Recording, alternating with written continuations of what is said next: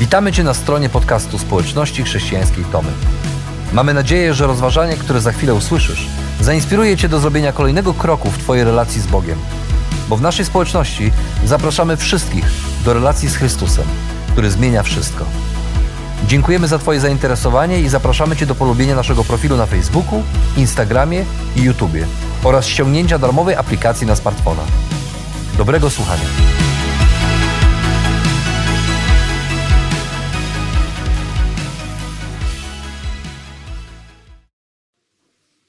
Bieda temu, kto wyrusza i nie powraca. Takie słowa widnieją nad wejściem do dworku Miłosza w Krasnogródzie na północno-wschodnim skraju naszego, naszego kraju. Y, tam, gdzie w zeszłym tygodniu razem z grupą mężczyzn mogliśmy być na wyprawie kajakowej na męskiej sprawie. Czytaliśmy ten napis razem z pastorem Adamem Pańczakiem i on towarzyszył nam przez całą tę wyprawę. Powtarzaliśmy sobie, no lepiej, żebyśmy wrócili, bo biada temu, kto wyrusza i nie powraca. Ale też ten napis przypomina mi o tym, że każda podróż ma swój koniec. Dobrze, jeżeli ma swój koniec. Jeżeli wyruszamy, no to musimy też umieć dobrze powrócić. Wracamy już nie tacy sami, jak wyruszyliśmy. I wracając do domu, po każdej podróży zawsze zastanawiam się, ile z tej podróży zostanie we mnie, ile z niej tak naprawdę wynika dla mojego codziennego życia, ile z tej podróży zostanie we mnie na dłużej. I my też przez ostatnie tygodnie sporo podróżowaliśmy. Podróżowaliśmy razem z autorem listu do Hebrajczyków, poznając zakamarki Starego Testamentu i próbowaliśmy zrozumieć, dlaczego Jezus jest najlepszy. Dlaczego Jezus jest lepszy od aniołów i proroków? Dlaczego jest lepszy od Mojżesza i prawa mojżeszowego? Dlaczego jest lepszy od starotestamentowych ofiar i arcygapłanów? Dlaczego nowe przymierze, jego przymierze jest lepsze od starotestamentowego przymierza? I niełatwa to była podróż, ale myślę bardzo pouczająca. I dzisiaj kończymy ją. Kończymy ją i stajemy przed tym samym pytaniem, przed którym E, zawsze staję, kiedy kończę swoją osobistą podróż. Pytanie, które brzmi: no, to co z tej podróży wynika dla naszego życia? Bo zdaję sobie sprawę z tego, że przez ostatnie tygodnie podjęliśmy wiele tematów, które mogą się wydawać dzisiaj dla nas bardzo, bardzo odległe. Jeżeli śledziliście naszą serię kazań, albo jeżeli byliście z nami przez te ostatnie tygodnie, to wiecie, że, że e, czytaliśmy o tych wszystkich rzeczach, których autor listu Hebrajczyków pisze do wierzących ludzi 2000 lat temu, do, do Y, do Żydów, którzy poznali Chrystusa jako Mesjasza, no ale przyszło im żyć w tej rzeczywistości tak jakby trochę pomiędzy. Oni jakby poszli za Jezusem, ale prześladowania i różne trudności sprawiły, że zaczęli się zastanawiać, czy aby nie warto wrócić do tego, co było. I autor listu Hebrajczyków przez kolejne rozdziały udowadnia i pokazuje im, że nie warto, że Jezus naprawdę jest najlepszy. Ale my dzisiaj nie żyjemy pod prawem mojżeszowym, nie składaliśmy ofiar ze zwierząt, nie doświadczyliśmy, przynajmniej większość z nas, tak przypuszczam, nie doświadczyliśmy rzeczywistości, w której raz do roku arcykapłan składa ofiarę przebłagalną za grzechy swoje i swojego ludu. Ta cała rzeczywistość, którą opisuje autor listu do Hebrajczyków, może wydawać nam się strasznie odległa i dlatego zasadnym wydaje się pytanie, czy coś z tego naszego podróżowania wynika dla naszego codziennego życia, tu i teraz? Czy możemy coś więcej wziąć, czytając ten list, oprócz intelektualnej przygody, oprócz duchowej satysfakcji? Czy jest coś, co możemy przyjąć dla siebie i zrobić z tym coś dzisiaj, jutro, za tydzień? Bo nawet jeżeli zgodzimy się, że w świetle nauczania Starego Testamentu autor listu do Hebrajczyków wyraźnie pokazuje, że Jezus jest najlepszy. To, co z tego wynika dzisiaj dla mnie.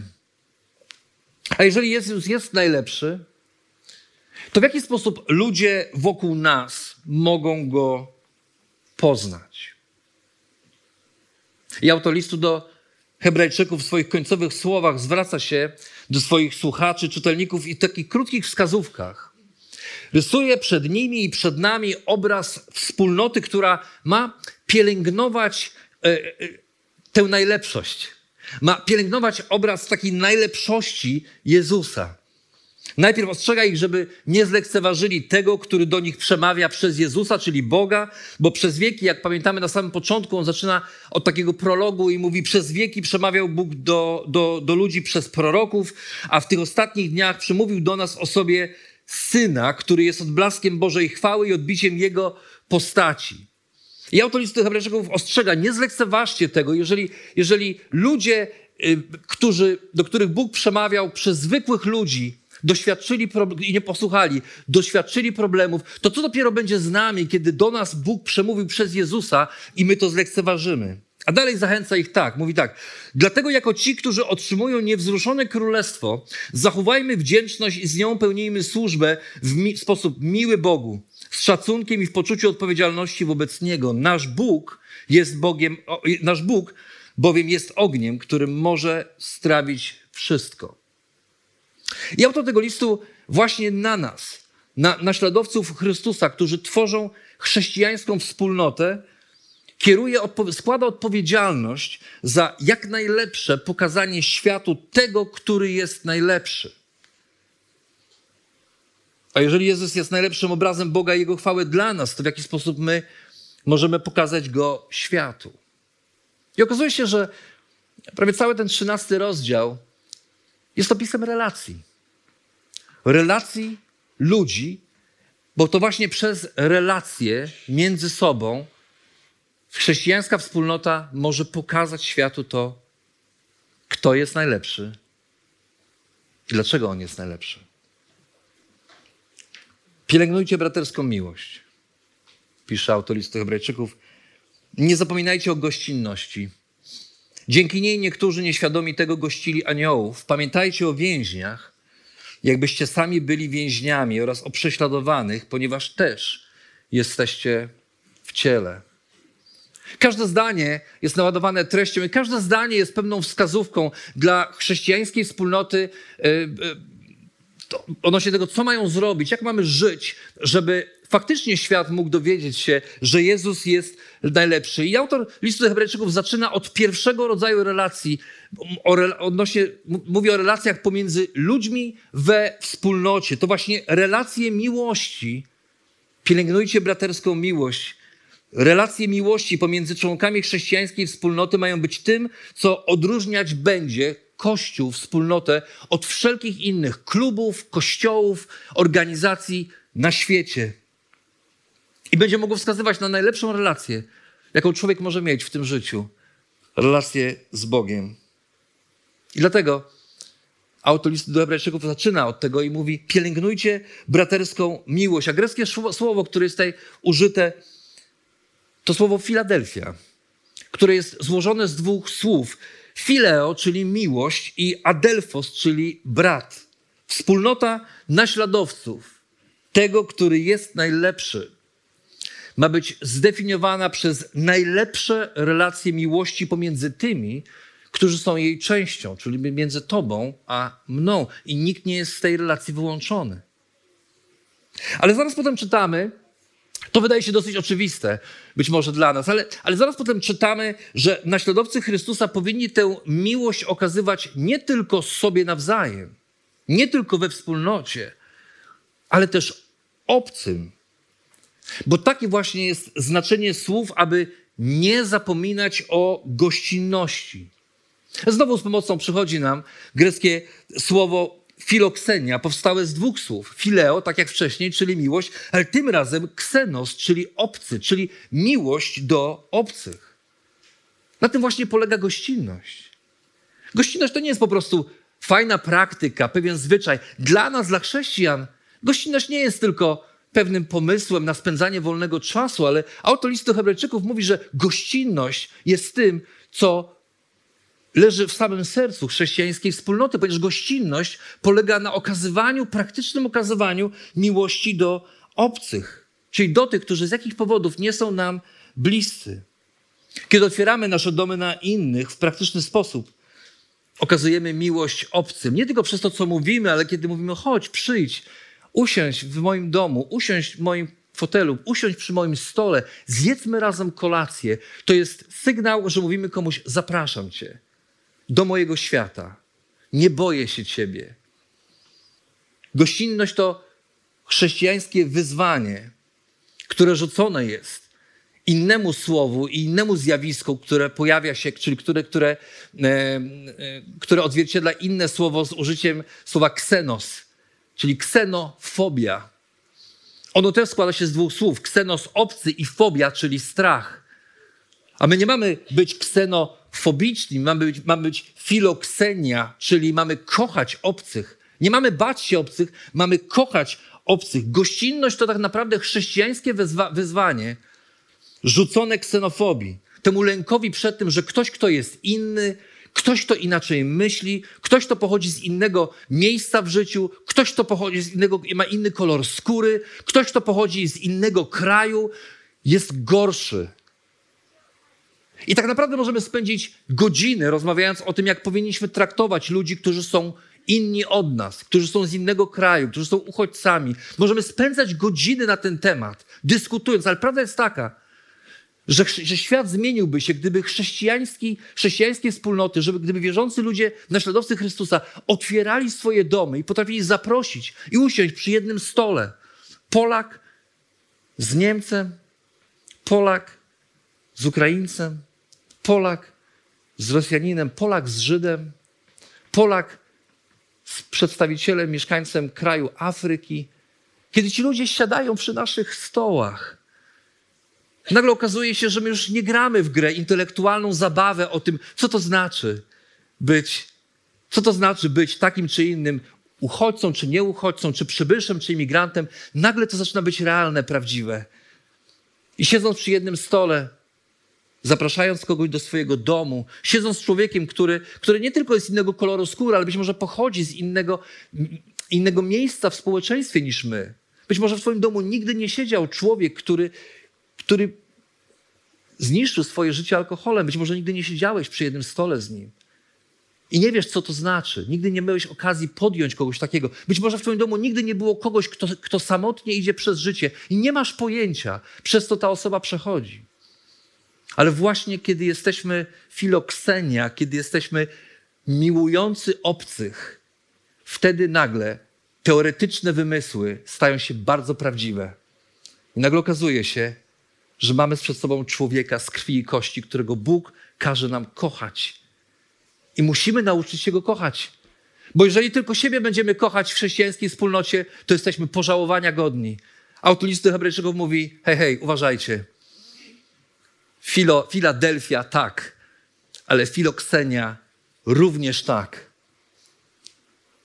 A czyniąc to, możemy być nie tylko błogosławieństwem dla innych, ale, ale sami możemy doświadczyć błogosławieństwa jak ci, którzy nieświadomi tego gościli aniołów. Autor listu Hebrajczyków odwołuje się tutaj do historii Abrahama i Sary, którzy okazali gościnność trzem obcym, a oni z kolei okazali się być bożymi posłańcami, aniołami, którzy przekazali Sarze wiadomość od Boga, że urodzi syna w podeszłym wieku, wieku syna, na którego całe życie czekali.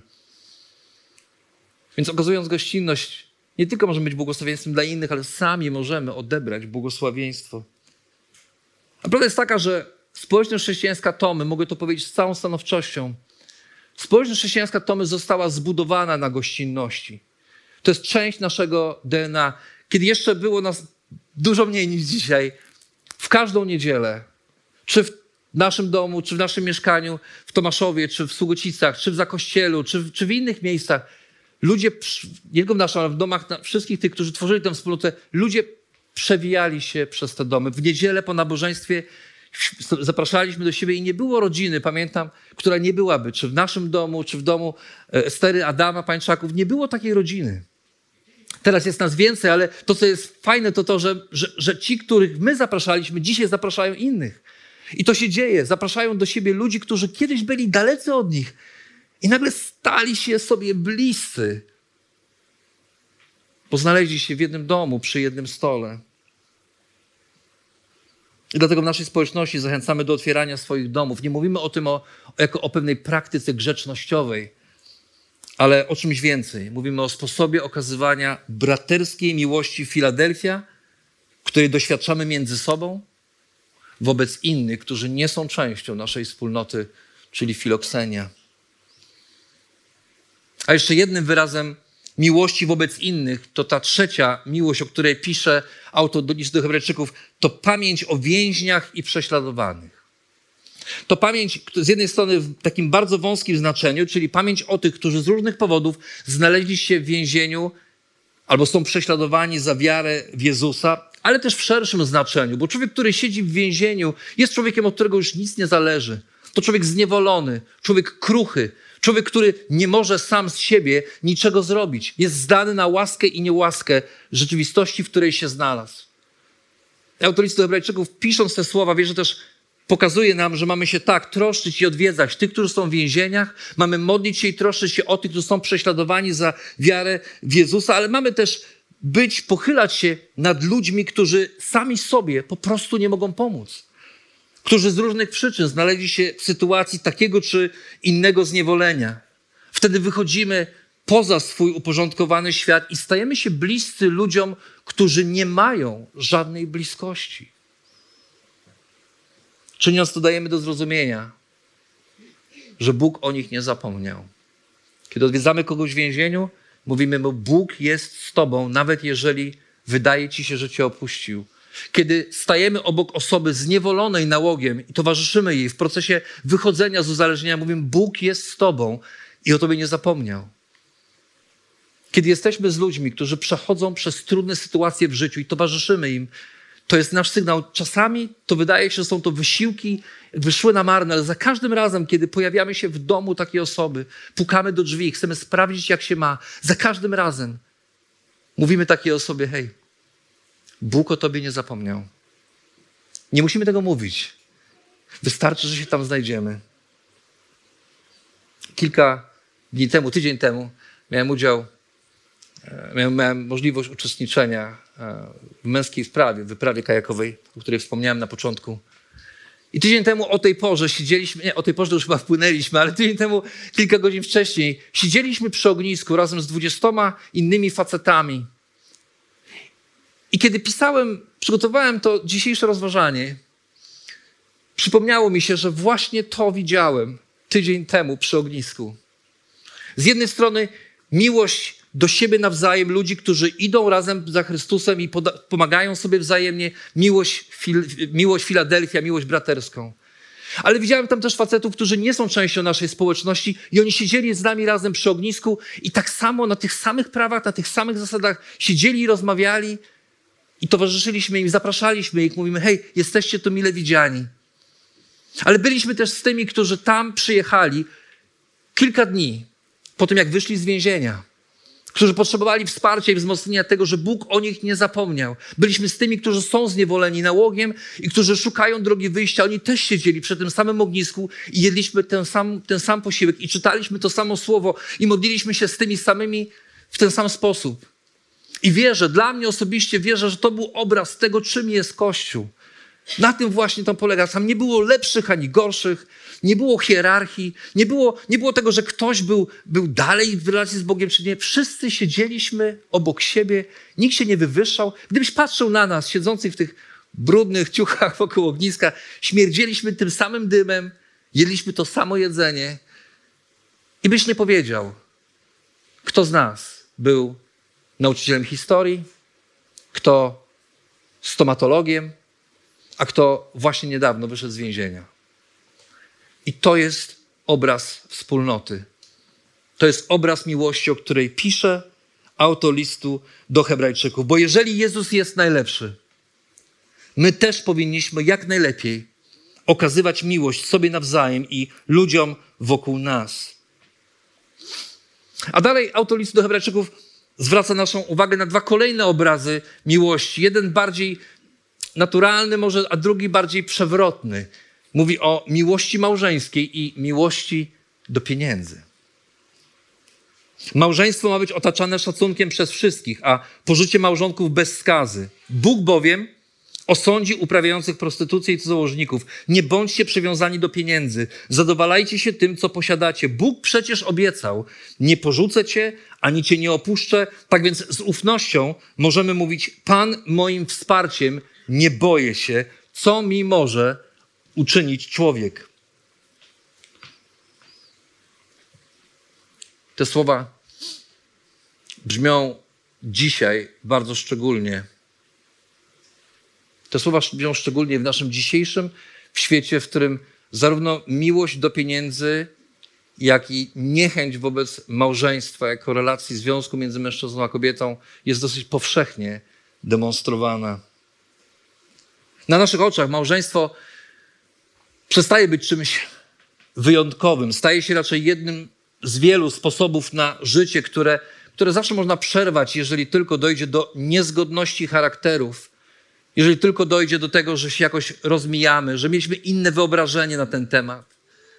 Wydaje się, że małżeństwo można przerwać i bez specjalnych konsekwencji to po prostu się dzieje.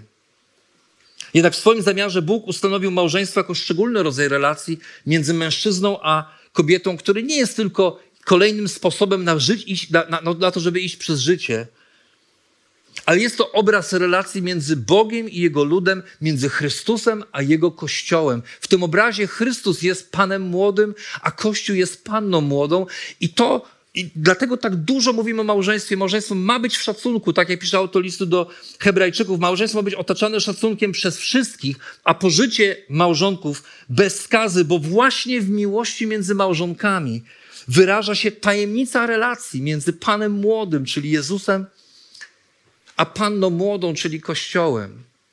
To nie dlatego my jako Kościół, jako wspólnota jesteśmy zafiksowani na małżeństwie, bo, bo strasznie chcemy jakoś zapromować pewien najlepszy sposób życia. Oczywiście, że jest najlepszy. Oczywiście, że wierzę, że to, że to najlepszy sposób na pójście przez życie we dwoje, choć nie każdemu jest on dany. Jeżeli człowiek potrafi żyć w pojedynkę, to Bóg tak samo błogosławi tych z nas, którzy idą sami przez życie z różnych powodów, jak i tych z nas, którzy żyją w małżeństwach.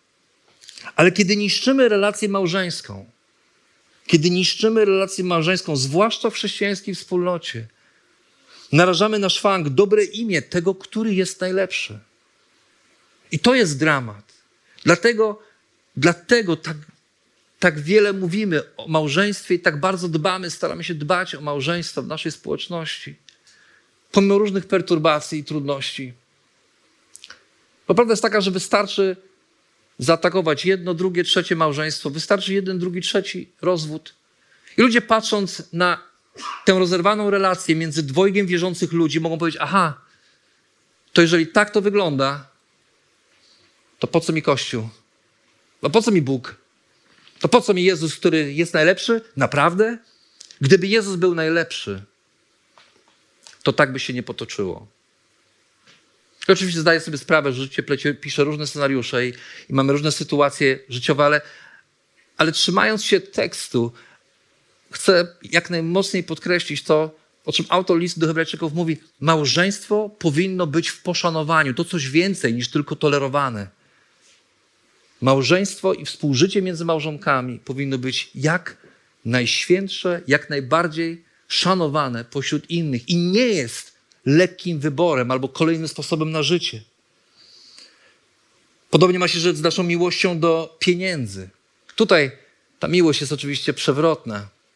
Kiedy się zbytnio do nich przywiązujemy, kiedy w pieniądzach upatrujemy naszego źródła bezpieczeństwa na tym świecie, to, to tak jakbyśmy mówili że Jezus wcale nie jest najlepszy, że nie wystarcza nam to, co mamy od Boga, że Bóg nie potrafi się o nas zatroszczyć, że musimy wziąć sprawy w swoje ręce, że jeżeli nie będziemy mieli jeszcze odrobiny więcej, to nie wystarczy. To, to, ciut więcej, to nie wystarczy. To jest ten słynne, to słynne pytanie, które, które usłyszał Rockefeller. Ile jeszcze powinieneś mieć pieniędzy, żeby, było, żeby wystarczyło? On powiedział, jeden dolar więcej. I to jest zawsze jeden dolar więcej. Jeżeli nasze myślenie o naszym bezpieczeństwie położone jest w tym, co mamy, to nigdy nie będziemy w stanie pokazać światu, że Bóg jest kimś więcej niż to, co mamy, niż to, ile zarabiamy, że to On jest źródłem naszego bezpieczeństwa, że nic, co mamy, nie moglibyśmy mieć, gdyby On nam tego nie dał. I dlatego w naszej społeczności praktykujemy kolektę. I to jest taki prosty sposób, którym, którym dajemy każdemu z nas możliwość do tego, żeby nie dał na tacę. My tego my nie dajemy na tacę. Jeżeli tak myślisz, to, to zapomnij o tym albo zatrzymaj te pieniądze, bo to jest niewłaściwy sposób myślenia. Dla nas społeczności chrześcijańskiej to my za każdym razem, kiedy wysyłasz pieniądze na konto naszej społeczności albo kiedy uczestniczysz w kolekcie tutaj, kiedy oddajesz część tego, co zarobiłeś, to jest Twój akt uwielbienia dla Boga i sygnał, który daje światu, też praktyka dla Ciebie samego. Boże, wiem, że wystarczy. Boże, wiem, że za każdym razem, kiedy oddaję część tego, co mam Tobie, wiem, że się o mnie zatroszczysz. I nie jest to żadna Ewangelia sukcesu, to po prostu przekonanie o tym, że Bóg ma troskę o każdego z nas w każdym najdrobniejszym szczególe naszego życia, że nie musimy się bać, oddając Mu część, ponieważ On zawsze daje nam dużo więcej, niż byśmy to, sobie to wymarzyli. Moja przyjaciółka kiedyś zwykła mówić, wiesz, czasem mam wrażenie, że zarabiam tysiąc, a żyję jakbym żyła za dziesięć tysięcy. I oczywiście jest w tym spora przesada, ale, ale jest pewna prawidłowość w tym, że kiedy my oddajemy to, co Bogu się należy, Bóg daje nam to, co nam się nie należy i błogosławi nam dużo bardziej obficie, niż sobie to wyobrażamy. I czasami dla niektórych z nas to jest kwestia praktyki. W naszej grupie AHA mieliśmy taki moment, kiedy kilka tygodni temu rozmawialiśmy właśnie na ten temat. Jeden, jeden z chłopaków powiedział: Wiesz, e, trudno mi jest zaufać. Kiedy tak myślę sobie o swoim życiu, to zdaję sobie sprawę z tego, że jest mi po prostu trudno czasem zaufać Bogu i temu, że On naprawdę zatroszczy się o mnie. I kiedy rozmawialiśmy o tym trochę, powiedziałem, co mogłoby Ci pomóc? On mówi, nie wiem, nie wiem, może gdybym tak, może gdybym tak mógł oddać część tego, co mam dla kogoś, kto nie ma nic. I zobaczyłbym, że Bóg naprawdę troszczy się o mnie, może to by mi pomogło. I następnym tygodniu po nabożeństwie. Przyszedł do mnie i wręczył mi kopertę dla potrzebujących ludzi ze sporą sumą pieniędzy. I powiedział: Rafał, chcemy pobłogosławić kogoś. A wiem, że wiele nie mają. I pomyślałem sobie, na tym polega uczniostwo. To na tym polega naśladowanie Jezusa. To jest uczenie się pewnej praktyki która jemu była chyba bardziej potrzebna niż tym ludziom, którzy mogą zostać pobłogosławieni za te pieniądze. Bo jeżeli Jezus jest najlepszy, my też powinniśmy jak najlepiej dbać o nasze małżeństwa i nie przywiązywać się do pieniędzy, ale ufać kochającemu Bogu, że się o nas zatroszczy. A kreśląc obraz chrześcijańskiej wspólnoty, która ma być odbiciem tej relacji z najlepszym, Autor listu Hebrajczyków zwraca naszą uwagę na jeszcze jeden rodzaj relacji. I, I, jest to trochę krępujące może dla mnie, żeby o tym mówić, ale tak mówi ten tekst, a ja stoję w tym miejscu, więc pozwólcie, że go przeczytam. To rodzaj relacji z tymi, których autor listu do Hebrajczyków nazywa przewodnikami. Pamiętajcie o waszych przewodnikach, którzy wam zwiastowali Słowo Boże. Rozpatrując koniec ich życiowej drogi, naśladujcie ich wiarę. I dalej w 17 wersecie, bądźcie posłuszni i ulegli swoim przewodnikom. Czuwają oni nad waszymi duszami i zdadzą z tego sprawę. Niech to czynią z radością, a nie z narzekaniem, bo to nie wyszłoby wam na korzyść. Pamiętajmy, że autor tego listu pisał do Hebrajczyków, do Żydów, ludzi obeznanych z historią Izraela. A historia Izraela to historia ciągłych zmagań i napięć pomiędzy ludem i ludźmi, których Bóg wyznaczył jako ich przywódców czy też przewodników. To nigdy nie byli ludzie ze ska bez skazy. Każdy z nich miał swoje wady i swoje słabości, Sami zmagali się z tymi słabościami, sami zmagali się z posłuszeństwem Bogu, sami odbierali zachętę, ale czasem też nagane czy karę od Boga, pouczenie od Boga. Ale mimo ich słabości, Bóg konsekwentnie używał ich, aby głosili Jego słowo i dbali o Jego lud. Nie zawsze spotykało się to ze zrozumieniem tych, którzy byli przez nich prowadzeni, ale ilekroć zapominali o swoich przewodnikach, bardzo szybko zapominali też o Bogu i robili to, czego nie powinni. Jedną chyba z najbardziej znanych fraz w Starym Testamencie jest początek Księgi Sędziów, kiedy czytamy o tym, że nastał król, który nie znał Józefa, nie pamiętał Józefa, nie pamiętał tego, który był wcześniej. I zaczęły się dziać złe rzeczy, a koniec tej księgi mówi o tym, że każdy robił to, co chciał, to, co było jemu, to, co mu się podobało, to, co podobało się to w jego własnych oczach. John Maxwell, amerykański ekspert od przywództwa, powiedział kiedyś: Wszystko rośnie i upada na poziomie przywództwa. Dlatego liderzy w ogóle, a liderzy chrześcijańskich wspólnot niosą na sobie szczególną odpowiedzialność za nauczanie i prowadzenie ludzi, którzy zostali im powierzeni. I myślę, że uczciwą rzeczą jest powiedzieć, że każda wspólnota chrześcijańska jest silna zaufaniem i szacunkiem, jakim członkowie tej wspólnoty darzą swoich liderów i jaką ci liderzy, jakim szacunkiem i uznaniem ci liderzy darzą członków swojej wspólnoty. To jest zawsze wzajemna relacja. Tam, gdzie to zaufanie zostaje nadszarpnięte z powodu grzechu liderów lub ich niewłaściwych decyzji z jednej strony, albo tam, gdzie to zaufanie zostaje nadszarpnięte, gdzie wkrada się brak szacunku dla osób, które Bóg postawił na czele danej wspólnoty, zawsze dochodzi do napięć, do kłótni, do podziałów, które Bogu chwały nie przynoszą, ani nie służą świadectwu tej wspólnoty dla świata wokół.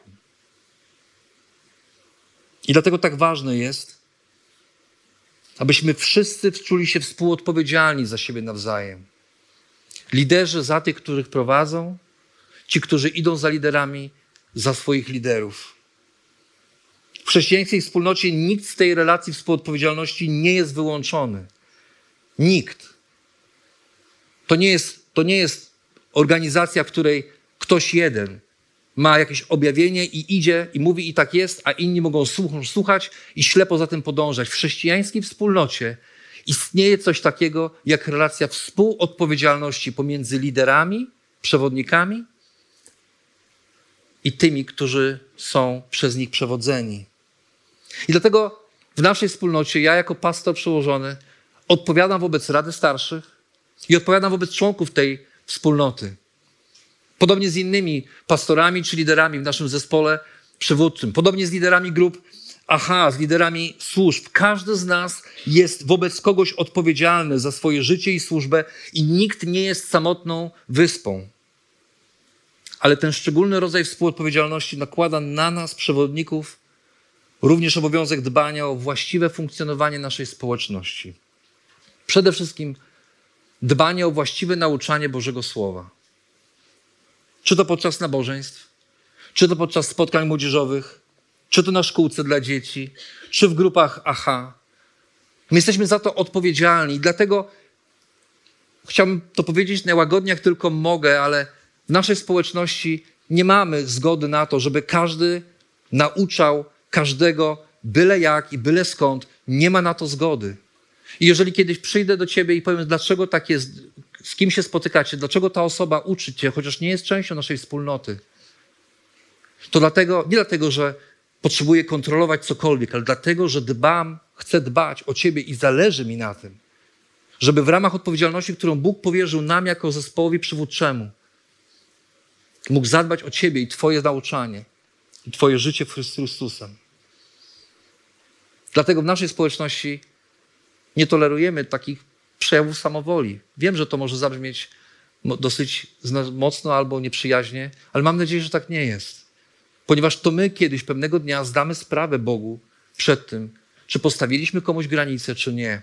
I to zarówno jeżeli chodzi o nauczanie, jak i też jeżeli chodzi o duszpasterską troskę o życie członków naszej wspólnoty zgodne z nauczaniem Bożego Słowa. Każdy z nas odpowie przed Bogiem, ale wierzę, że my jako liderzy społeczności Będziemy musieli odpowiedzieć na pytanie, dlaczego nie porozmawiałeś? Dlaczego nie skonfrontowałeś? Dlaczego wolałeś uśmiechać się i udawać, że nic się nie stało, zamiast usiąść i powiedzieć, musimy o tym porozmawiać, bo tak nie może być. A jako pastor tej społeczności mam wyjątkowe szczęście do ludzi, którymi Bóg otoczył mnie, abyśmy wspólnie dźwigali ciężar odpowiedzialności za prowadzenie społeczności chrześcijańskiej Tomy. Jestem wdzięczny za takich ludzi jak Ewa i Władysław Dwulat, którzy prowadząc Fundację Prem, uczyli mnie, młodego chłopaka od najmłodszych lat, mojego podążania za Chrystusem. Nie tylko to, tego, co to znaczy być liderem, ale przede wszystkim, co to znaczy być naśladowcą Chrystusa. I chociaż może nie byli tymi, o których autor listy Hebrajczyków mówi, że jako pierwsi zwiastowali mi słowo, ale byli jednymi z pierwszych, którzy pokazali mi, co to słowo znaczy w życiu człowieka, w jego codziennym życiu. Jestem wdzięczny za Daniela i Johna, z którymi jako starszymi społeczności chrześcijańskiej razem podejmujemy kluczowe decyzje odnośnie funkcjonowania naszej wspólnoty, poprzedzone godzinami, godzinami rozmów, modlitw, zgadzania się, niezgadzania się. My nigdy nikogo nie wygłosowaliśmy, ale zawsze szukaliśmy konsensusu. I wierzę, że konsensus jest tym, do czego powinniśmy dążyć w zarządzaniu chrześcijańską wspólnotą.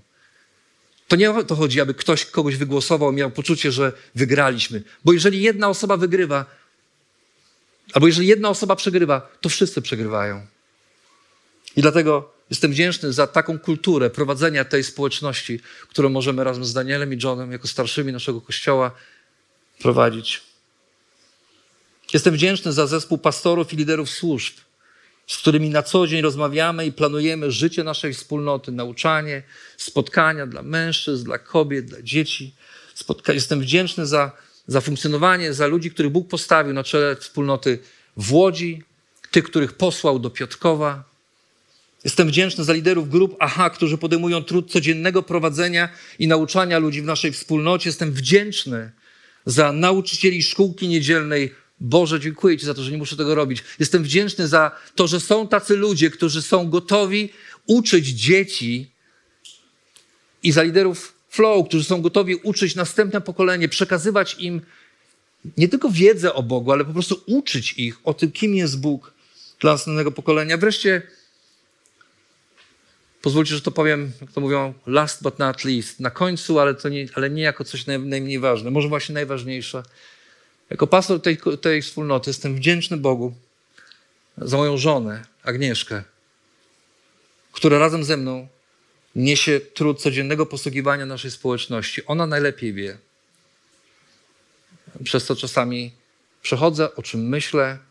Ona zna mnie najlepiej, widziała mnie w najgorszych momentach mojego życia i widziała mnie w najlepszych momentach mojego życia. Jestem przekonany, że jako pastor tej społeczności nie byłbym tym człowiekiem i pastorem, jakim jestem dzisiaj gdyby nie ona, towarzysząca mi wiernie przez ostatnich 21 lat naszego wspólnego życia.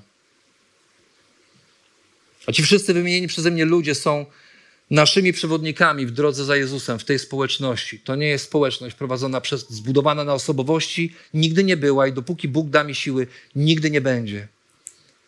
To jest społeczność zbudowana na zespole ludzi, którzy towarzyszą innym ludziom, Ktoś podejmuje decyzje, nie wszyscy mogą podejmować wszystkie decyzje, ale jest to, to społeczność ludzi, w której każdy może czuć się jako lider ważny do tego, żeby prowadzić innych i może czuć wsparcie i wzmocnienie. Każdemu z nich zdarzają się lepsze i gorsze, dni. Każdy z nich zmaga się ze swoimi problemami i słabościami, ale nie mam żadnych wątpliwości, że naśladując ich wiarę, jeżeli jesteś częścią naszej społeczności, to chcę Ci powiedzieć, że naśladując wiarę tych, którzy są, Bóg ustanowił przewodnikami w tym, w tym kościele, każdy z nas może stać się lepszym naśladowcą Chrystusa. I chociaż autor listu do Hebrajczyków zachęca nas, abyśmy patrząc na naszych przewodników, rozpatrywali koniec ich drogi, bo dopiero koniec życia pozwala ostatecznie rozpoznać, na ile pozostali oni wierni Jezusowi to jednocześnie zachęca nas też do posłuszeństwa i uległości tym, których Bóg postawił na czele naszej wspólnoty tu i teraz. Wierzę, że wytrwamy. Wierzę, że wytrwamy. I wierzę, że nikt z nas nie będzie zawstydzony faktem podążania dzisiaj za obecnymi przewodnikami SH Tomy. Niech Bóg da nam, łaskę, da nam łaskę do tego, żeby tak się stało. Bo jeżeli Jezus jest najlepszy, my też powinniśmy jak najlepiej naśladować wiarę tych, którzy idąc przed nami, wytrwali w nim aż do końca. I tak kończąc tę wspólną podróż autolisty Hebrajczyków jeszcze raz, już na sam koniec. Skupia naszą uwagę na tym, co najważniejsze. I jeszcze raz stanowczo kieruje nasz wzrok na Jezusa, sprawcę i dokończyciela naszej wiary, jakby chcąc podsumować cały swój list jednym zdaniem. Myślę, że gdybym ja miał wziąć jedno zdanie i powiedzieć, to jest zdanie, które podsumowuje wszystko, co jest napisane w tym liście, to byłoby to zdanie. Jezus Chrystus, wczoraj i dziś, ten sam i na wieki. Czy możemy to razem przeczytać?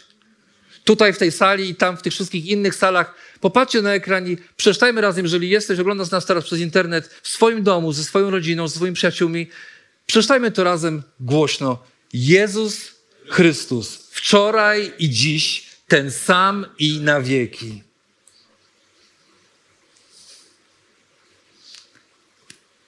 A zaraz potem autor tego listu przestrzegając przed fałszywą nauką i zwracaniem się ku rytuałom i, i rzeczom, które nie przynoszą wiecznego pożytku, kończy taką zachętą. Przez Niego więc nieustannie składajmy Bogu ofiarę uwielbienia, to znaczy owoc warg wyznających Jego imię. Nie zaniedbujcie też dobroczynności i wzajemnej pomocy, gdyż takie ofiary podobają się Bogu.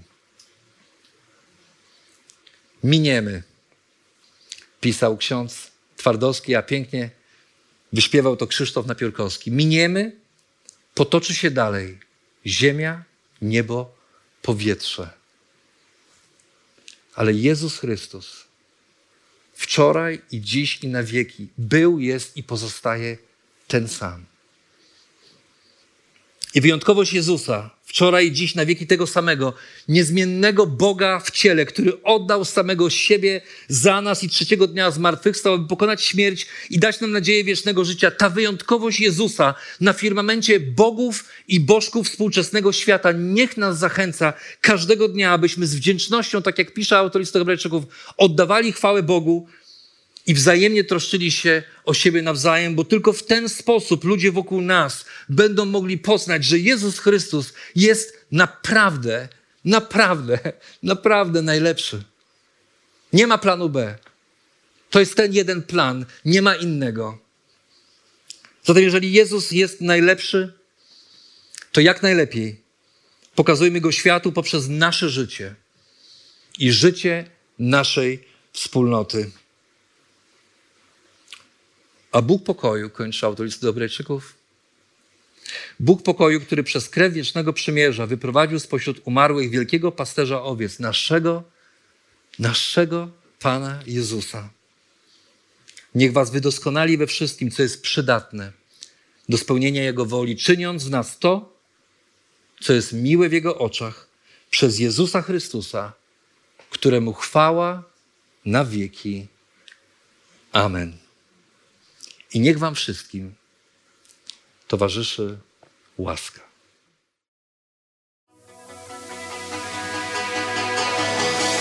Jeszcze raz dziękujemy za wysłuchanie naszego rozważania. Jeżeli mieszkasz w okolicach Tomaszowa Mazowieckiego lub Łodzi, zapraszamy Cię do odwiedzenia nas na niedzielnym nabożeństwie. Więcej informacji znajdziesz na stronie schatomy.pl.